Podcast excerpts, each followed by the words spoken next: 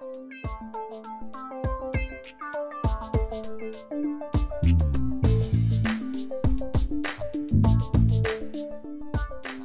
Den hybrida arbetsplatsen är numera inte ett framtidsscenario eller en organisatorisk idé, utan snarare vardag för alla moderna företag. Samtidigt som de tekniska lösningarna och digitala plattformarna gör distribuerat arbete smidigt dyker det upp nya och kanske mer intermänskliga utmaningar. Varmt välkomna till dagens avsnitt. Martina Elmqvist heter jag och jag har bjudit in en gäst vars expertisområde är eh, ledarskap i distribuerad miljö. Både kanske ur ledarens och medarbetarens perspektiv. Eh, och jag vill hälsa dig, Oskar Berg, varmt välkommen till oss.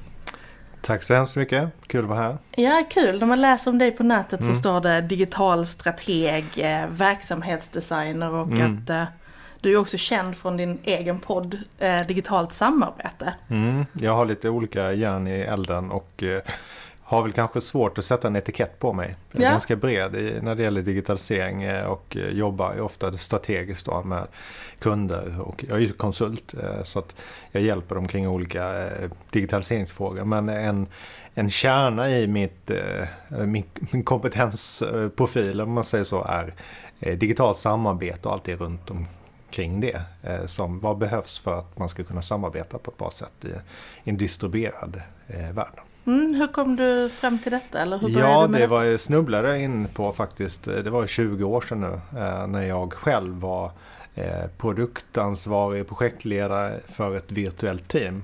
När vi hade utvecklare i Serbien.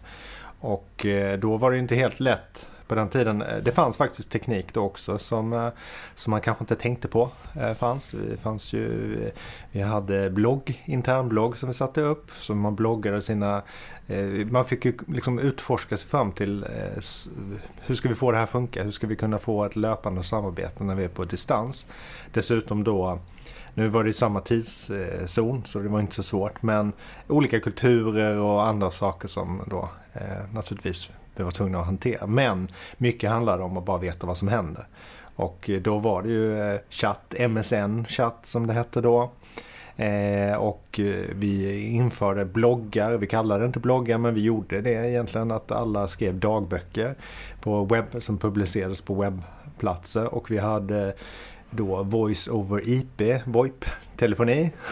Så att, eh, så att, att ringa till Serbien var inte, med reguljärt var inte att tänka på. Så att vi hade teknik som vi satte upp men det vi framförallt behövde jobba med var arbetssätten och lära känna varandra och liksom bygga team. Mm.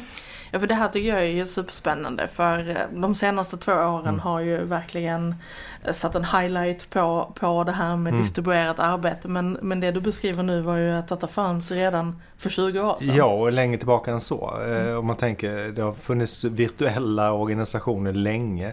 Sen har det, har det ju alla inte behövt göra det. Det har varit något som pågått i marginalen kan man väl säga. I periferin. Men nu blev ju alla tvungna mer eller mindre att eh, bli mer eh, distribuerade eller jobba mer på distans från varandra. Mm. Ja men och eftersom vi idag ska prata om det här med, med ledarskap och ha mm. det som vårt fokus idag.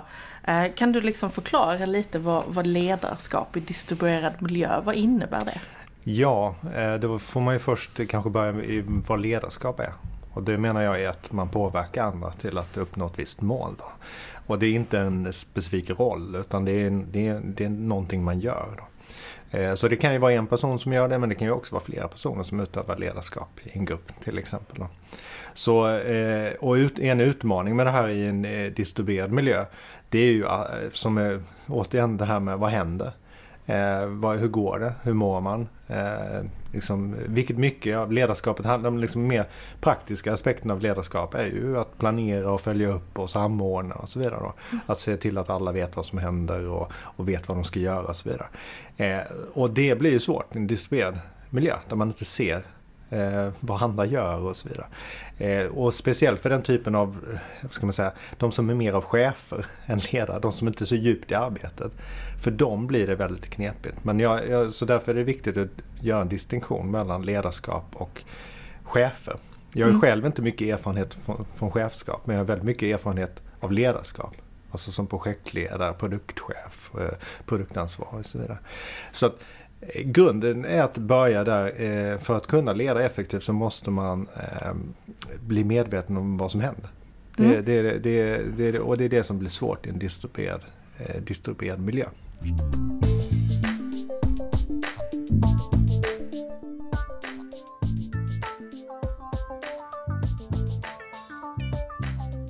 Ja, för du som, som, precis som du säger, det är lite svårt. Man ser inte varandra, mm. man möts inte naturligt vid kaffeautomaten Nej. och de här klassikerna. Eh, men, och, och, då är det också svårt att checka in såklart och veta mm. hur folk mår. Mm. Um, vilka tycker du är de så vanligaste misstagen eller fällorna som en, en ledare eller chef då mm, gör? Mm. Nej, men, eh, om man tänker på det så var det här svårt innan redan.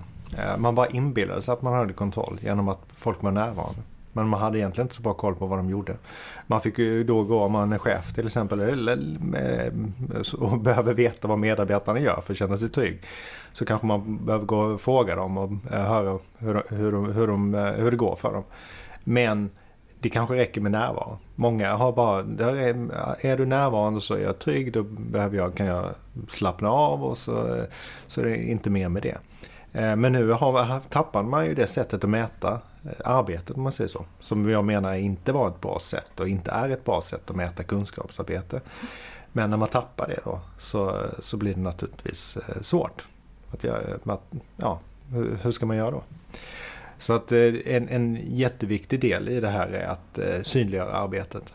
Att eh, se till att man kan faktiskt se vad, vad är det som görs. Mm. Har du några exempel på, ja, på det? En, en, man kan ta ett exempel eh, som kanske illustrerar det här övergången. Om, om man till exempel var ett eh, team, ett eh, utvecklingsteam eller som på något sätt jobbar ganska nära ihop.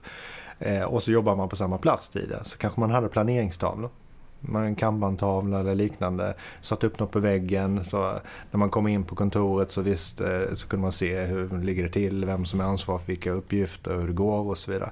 Men sen då, eh, över en dag så ska alla gå hem. I princip. Då, då går man ju bort från. Då ser man inte den här planeringstavlan varje dag. Så att då får man hitta en ersättning för den. En ersättare för den. Och det är ju många som har tagit Eh, till sig eh, digitala planeringstavlor. Eh, jag skulle säga alla är inte riktigt så kanske framåt utan många gör ju, försöker ju lösa det här med möten. Att man försöker samordna och följa upp med möten. Men de som är lite mer då inarbetade i hur man kan jobba i, i ett team.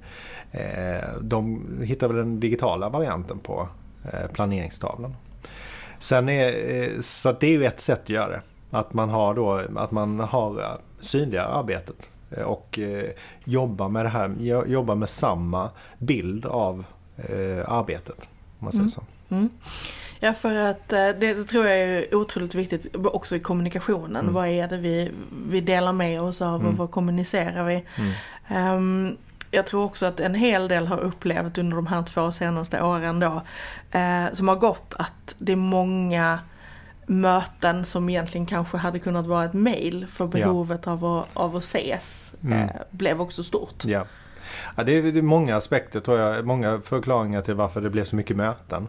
Ehm, för det var inte alltid så att de fyllde ett socialt behov utan eh, mycket, menar jag då, var en, att man översatte hur man jobbade på kontoret till det digitala. Eh, och, och ta det här utvecklingsteamet då kanske som, de kanske jobbade ganska digitalt redan innan för de var det inte så stort kliv. De satt och chattade och på olika sätt eh, jobbade digitalt. Om det nu var utvecklare så, så checkade de in och checkade ut och skrev kod och, och så vidare.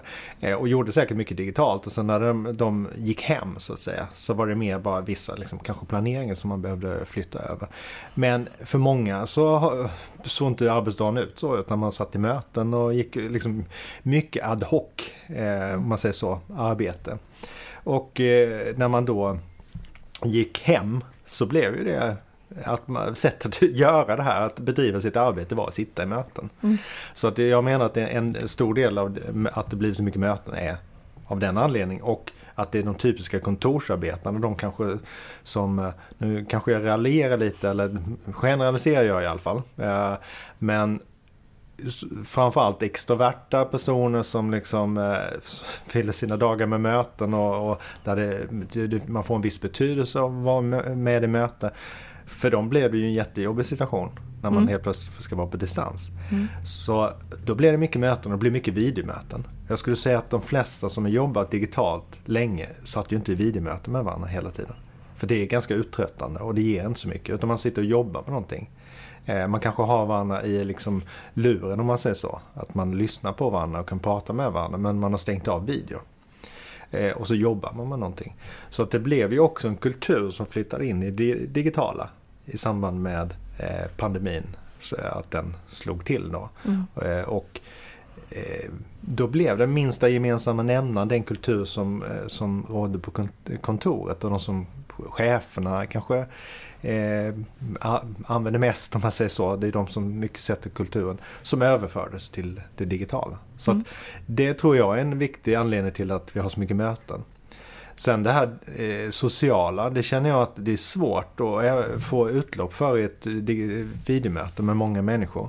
Däremot om man, eh, har jag upplevt att eh, personligen då att när man har sådana one-on-ones så kan man bli mycket, mycket närmare, med, liksom, gå in i en närmare diskussion eller dialog och utbyta, liksom, eh, ja, få utlopp för det här sociala eh, eh, behovet som man har på ett annat sätt. Till och med bättre än på, när man träffas fysiskt ibland. Så att de tror jag fyller den funktionen mer än de här stora mötena. Då. Mm. De tror jag mer en konsekvens av att vi flyttat över en kultur mm. till det digitala. Ja, det är också intressant det du säger att, att eh, one-on-one eller liksom mm. en till en samtalet kanske har, det fyller en, en annan mm. funktion där mm. man inte behöver vara i samma rum. Mm. Eh, jag läste också någon undersökning, vi jobbar ju med telefoni och mm. det är klart att det är alltid mm. intressant att se hur hur är skillnaden mellan att ha en, ett samtal på video eller ha det liksom på telefon?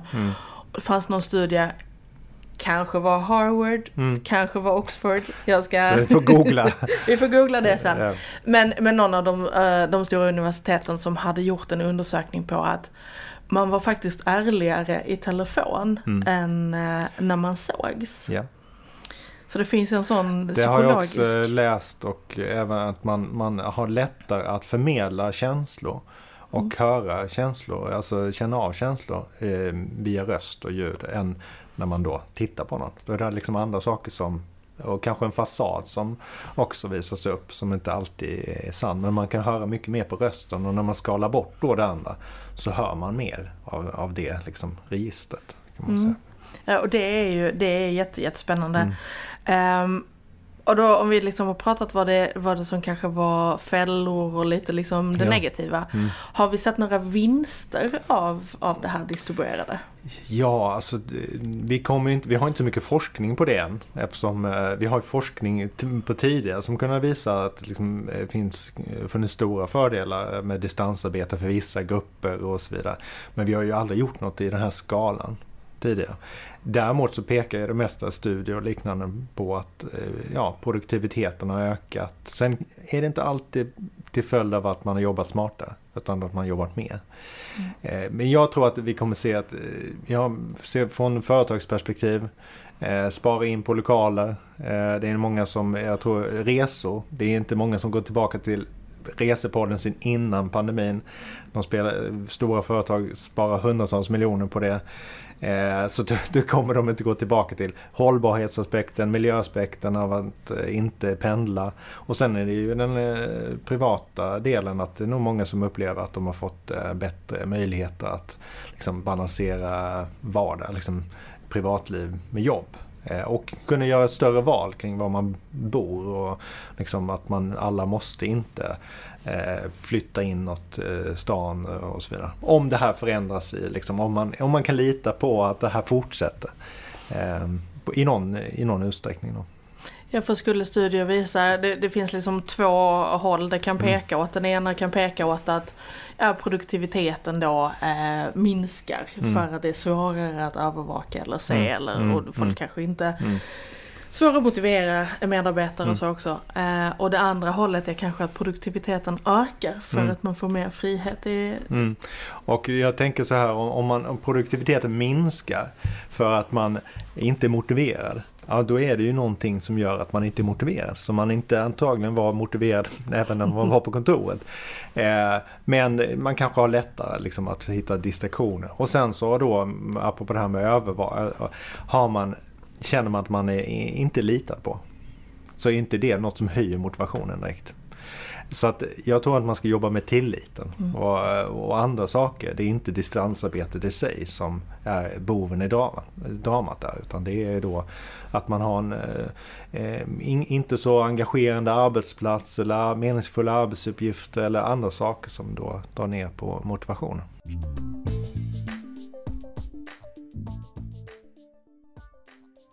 Behöver du en strategi för distansarbete nu när hybridkontoret är den nya verkligheten? Och hur skapar man egentligen en positiv företagskultur på distans? Detta och mycket mer hittar du hos oss på Telavox.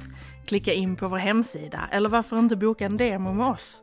Så kan vi tillsammans ta nästa steg mot fler fantastiska arbetsdagar och nöjdare kunder. Varje dag. Ja, och, och liksom fortsätter vi titta det lite ur medarbetarens perspektiv så, så är jag nyfiken på också vilka, vilka krav tycker du att man som medarbetare kan ställa på sin ledare med mm. remote work? Ja, till att börja med vill jag säga att kraven måste ställas i båda riktningar. Mm. För att eh, den här friheten då som man kan få, den, den, det följer ett ansvar med den. Och det är till exempel att synliggöra sitt arbete att eh, jobba på ett liknande sätt. Inte att vara närvarande liksom mellan 8 och 5 och så vidare. Det, det får man hitta spelregler för som passar eh, gruppen och organisationen. Men det handlar om att jag måste ju då berätta lite mer. Eh, delvis kan jag göra det genom att jobba mer digitalt. Jobbar vi i en digital planeringstavla så, så är ju själva planeringsjobbet redan dokumenterat. Då är ju liksom progressen kommunicerad om man säger så. Eh, men eh, generellt sett behöver vi bli bättre på att berätta eh, hur det går och höra av oss helt enkelt. Då. Och gör man det, då har man ju liksom alla ska man säga, förutsättningar på att bli betrodd, tycker jag. Så att kravet man ska, kan ställa på ledaren då, det, det är ju att man naturligtvis får det här ansvaret. Att den hjälper till att utveckla arbetssätten så att det här fungerar. Eh, sen tycker jag att man ska se på ledaren som en eh, trädgårdsmästare som hjälper till att skapa förutsättningar. Och inte, inte, inte den som liksom pekar med hela handen och planerar och följer upp, för det funkar inte i den här miljön. Utan nyckeln är att trycka ut det här, om man säger så, till medarbetarna, få alla att steppa upp lite och ta ett gemensamt ansvar. Och då kan den som är ledare, om man säger så, backa undan lite och mm. ta en mer eh, uppbackande roll. Tror du vi kommer att se eh, nya typer av ledarskapsutbildningar på grund av det här? Absolut. Eh, och det, det märks väldigt tydligt hur ledarskapet är och den, den liksom, de ledarskapsutbildningar som finns. Dels är de inte så väldigt mycket inriktade på det digitala. Nej. Och det här är ju ganska fundamentalt. Jag, jag, det var ju min insikt, eh, den kom ju väl långt tidigare, med att liksom datorer och kommunikation skulle liksom förändra samhället på många sätt. Men just när jag jobbade med virtuella team och för 20 år sedan så insåg jag att ja, men det är så här det kommer behöva funka eh, alltså framöver. Det är ju ett paradigmskifte i, i hur vi kommunicerar och därmed hur vi bygger upp organisationer och så vidare. Så att det här måste man ju ta, ta, eh, ja, ta hänsyn till och förstå. Och då måste ju och jag menar också att om ledarskap är då att påverka andra människor. Och för, för kommunicera mål och visioner och, och liksom se till att vi går åt samma håll. Ja, det är ju kommunikation. Om man inte förstår det, att det är kommunikation och feedback och att digital kommunikationsteknik då ger enorma möjligheter. Ja, då kan man ju fundera på vad, vad, vad, vad, är då ledare, vad handlar de här ledarskapsutbildningarna eh, om? Jag har hört kommentarer som eh, till exempel, ja men det där med, eh, det där är bara verktyg. Det är viktigt att bygga relationer och tillit. Men hur kan du, men, kan du säga att telefonen är bara ett verktyg? Det är ett kommunikationsmedel. Den är inte deterministisk. Alltså, det, är, det är ett medel som du kan använda för att kommunicera. Det är hur du använder det som avgör hur effektivt det är. Och nu har vi en palett av Vi har liksom en helt annan räckvidd, eh, rikedom och så vidare i kommunikationsverktygen som vi då kan använda för att kommunicera och inspirera och leda människor. Så att eh, jag tror att vi kommer se mycket mer utbildningar som fokuserar på det mm. än på olika typer av ledarstilar. Mm. Vilket, jag, eh, vilket det ofta är. Då. Mm. Ja, men det, det är också jättespännande att se vad mm. den utvecklingen tar vägen. Ett, ett annat liksom lite perspektiv som, som jag har funderat på det är ju att den här med hybridarbetsplats mm. och att jobba mobile first och så mm ändå är ganska etablerat hos oss i Norden. Vi mm. är mm. first movers mm. på mycket mm. digital mm. teknik. Eh, och sen kommer liksom utvecklingen i Europa och världen. Har du sett några trender kring det? Mm, där tror jag att vår själv, självbild är kanske lite för eh, eh, god, om man säger så. Eh, jag skulle säga att i, i utveckla, mindre utvecklade delar av världen så har ju de börjat med mobiltelefoner. Alltså de har inte börjat sitta på kontor och ringa varandra. eller vad man nu ska säga. Utan där, är ofta den, där har de hoppat över några teknikskiften. De har börjat med, eh, med mobilnät. Eh, mobila appar och, och, och, så. Där är det mycket mer eh, vad ska man säga, vanligt att man... Vi kan se på Ukraina till mm. exempel. Hur fantastiskt duktiga de är på att använda sociala medier och appar. Alltså till att mobilisera samhället och, och liksom få det att funka. Eh, vi har Estland som, eh, och baltiska staterna som är jätteduktiga på att använda digitalisering och liksom för att samordna och få samhället att funka. Eh, vilket vi inte alls är alls lika bra på. Så att jag, jag, tror att vi har liksom lite stor, god självbild av att vi är så duktiga på att använda teknik och samarbeta och, och i Kina. Liksom. Ja, alla, nu kan man säga vad man vill om Kina med tanke på att det är en diktatur och de kan liksom bestämma vilka verktyg man använder. Men väldigt mycket görs ju där virtuellt. Alltså i, liksom, eh, man, man, man är väldigt digitaliserad mm. i sina beteenden. Vad tror du den här um, självbilden beror på då? Um, att vi är, är, lägger långt fram? Ja men det är för att vi är legat långt fram. Mm. Eh, och då utgår man från att man gör det. Jag, jag tillhör väl en generation då som jag är 70-talist och vi låg långt fram på 80-talet. Inte för att eh, 80-90-talet skulle jag säga. För att vi, var alla, vi hade persondatorer och fick ny teknik. Eh, eh, på pojkrum och flickrum så satt man och liksom programmerade. Eh, och idag så har vi ju sett en, liksom en spel, liksom, eh, många av de här spelstudierna och musikbranschen och eh, producenter och så vidare kommer ju från den generationen. Liksom, och, eller den kulturen.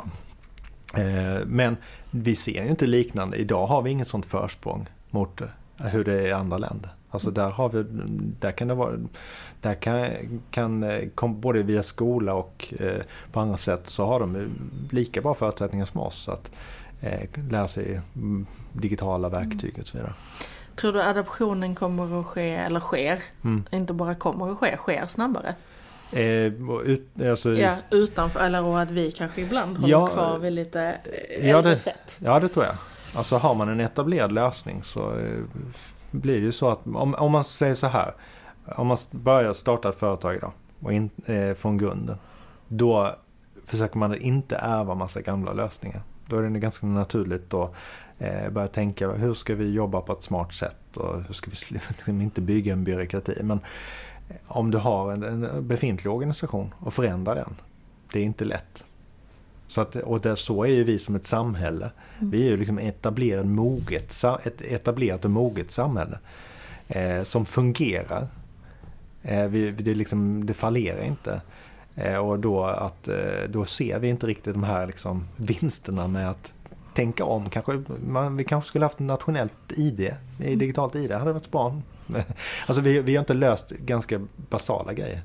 Eh, och det tycker jag, det är ju för att vi sitter fast i gamla eh, tankesätt, system, strukturer. Mm.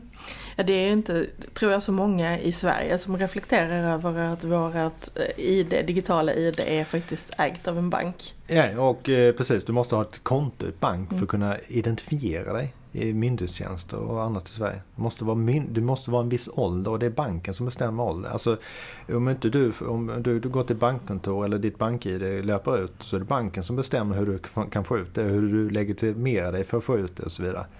Eh, så det är helt på deras premisser. Eh, vissa banker eh, måste man eh, gå till banken med mössan i handen och, och under kontorstid för att få sin identifikation. Det, det är ju, tycker jag, absurt i ett liksom, demokratiskt, modernt samhälle. Ja, och jämför vi, vi befinner oss ju här nere i Skåne och mm. flera av oss mm. har ju eh, jobbat i Danmark mm. där, vi vet, mm. där man vet att där kan du få ett digitalt eh, ID mm. som inte är kopplat till någon, mm. Eh, alltså som är kopplat till staten och inte till någon, någon verksamhet på det sättet.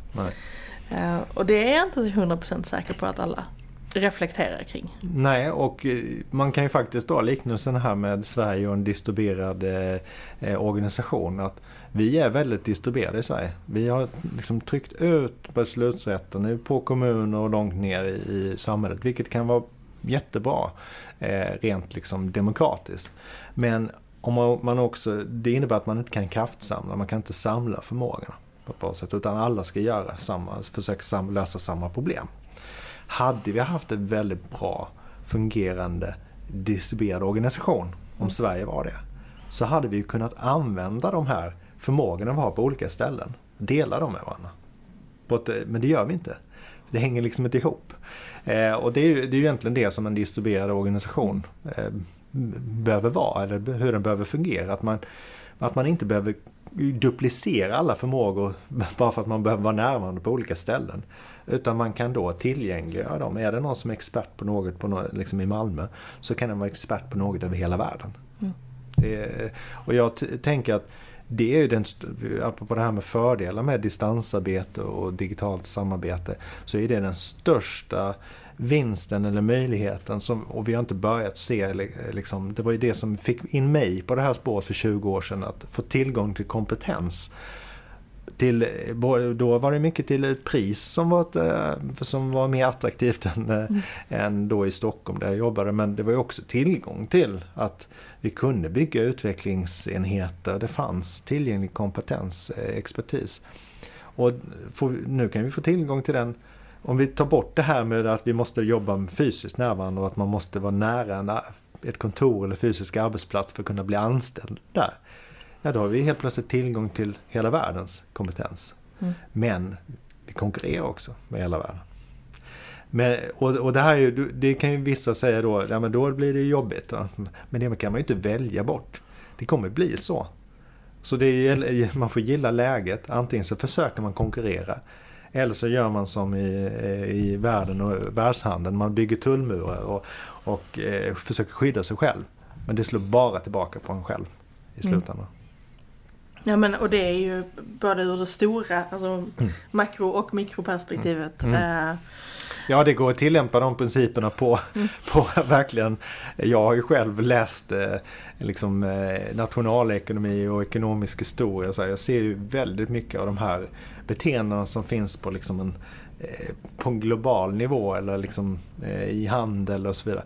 Det, det, är ungefär, det är samma premisser som gäller när det gäller samarbete i en organisation. Att det här att man måste skapa win-win, man måste ta, skapa, ta bort barriärer. Man ska inte låsa in liksom, prisoners dilemma. Det är någon som har tillgång till någonting men de andra har det inte. Och så blir det liksom en, en, en kamp om det här eller utpressning, kidnappning. Det, det, det är ingen organisation som, som tjänar på det. Utan man behöver ta bort de här hindren, man behöver demokratisera tillgång till information, man behöver demokratisera så att fler kan fatta beslut om det som de kan fatta beslut om.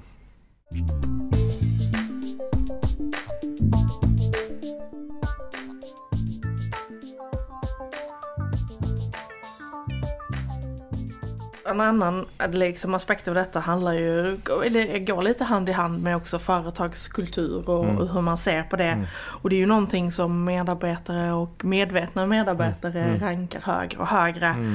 Um, om man pratar om det i kombination med distansarbete, hur, hur upprätthåller man liksom mm. en god företagskultur? Vad är kultur kan man ju fråga sig. Här kan man börja ja, där. det är en bra början tycker jag. Kultur Eh, i alla fall så som jag ser det och eh, jag är väl inte den enda. Det, det är ju våra gemensamma eh, beteenden och attityder. Alltså det som liksom utvecklar gemensamt. Ehm, och hur utvecklar vi dem? Jo, genom att kommunicera och interagera med varandra. Det är så vi, vi, vi förstår, vi tittar på varandra och vi ser hur andra beter sig och så kopierar vi eller inspirerar vi och inspireras av, av det. Eh, och eh, sen kan man naturligtvis kommunicera den kulturen på andra sätt, liksom med hur man är klädd, hur kontoret är utformat och, och så vidare som gör att ja, här, när du går in här genom den här dörren, då är det så här du beter dig. Då. Så att vi kan kodifiera det på olika sätt i den fysiska världen. Men i grunden så handlar det om kommunikation. Och den, om vi pratar om eh, att vi distribuerar, vi kan ju kommunicera med varandra. Så vi kan ju upprätthålla en kultur, vi måste bara göra det på ett annat sätt. Och det kanske är en annan typ av kultur vi inser att vi behöver ha då. Då kan vi inte ha det här att eh, vi försöker ha, eller försöker, det kanske bara blir så ibland att det blir intern konkurrens och prestige och man jobbar på olika avdelningar. Och, alltså, för då kommer vi inte kommunicera effektivt med varandra och då kommer vi inte ha en gemensam kultur. Och det har man ju ofta inte på arbetsplatserna heller, den fysiska. Man har subkulturer. Eh, för att man eh, silofierade. Eh, man, man in, riktar in sig man riktar sig inåt mot sitt team eh, och det blir lätt en, liksom, man förstår inte de som man kommunicerar mindre med som tillhör andra team och så vidare. Ja, i större organisationer. Så nyckeln är ju kommunikation. Så nyckeln är kommunikation i den fysiska världen, alltså på den fysiska arbetsplatsen om man ska bygga en kultur. Och naturligtvis då Eh, att man sätter, eh, är tydlig med det här, det här är okej och det här är inte okej. Det, här, det är så här vi vill att man beter sig och så här vill vi inte att man beter sig. Och det kan man göra digitalt också. Det finns jättegoda exempel i, i vår podd så har vi ett avsnitt kring eh, eh, online-spel.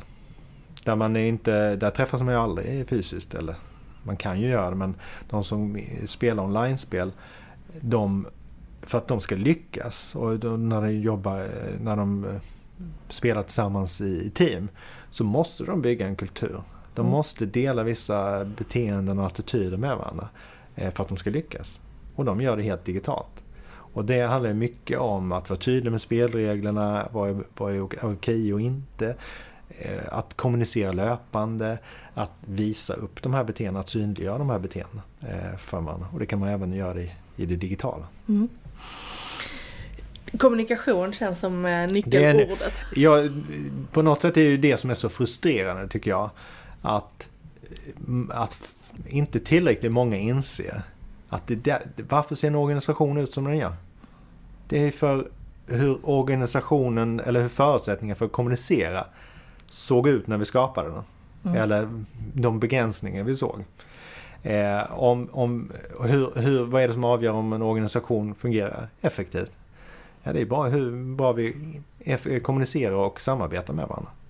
Eh, sen kan vi ju bli vi kan ju bli eh, glömma bort det. För att vi, mycket av den här kommunikationen och samarbetet kodifierar vi liksom i system och liknande. Man matar in något i system och sen det är min arbetsuppgift.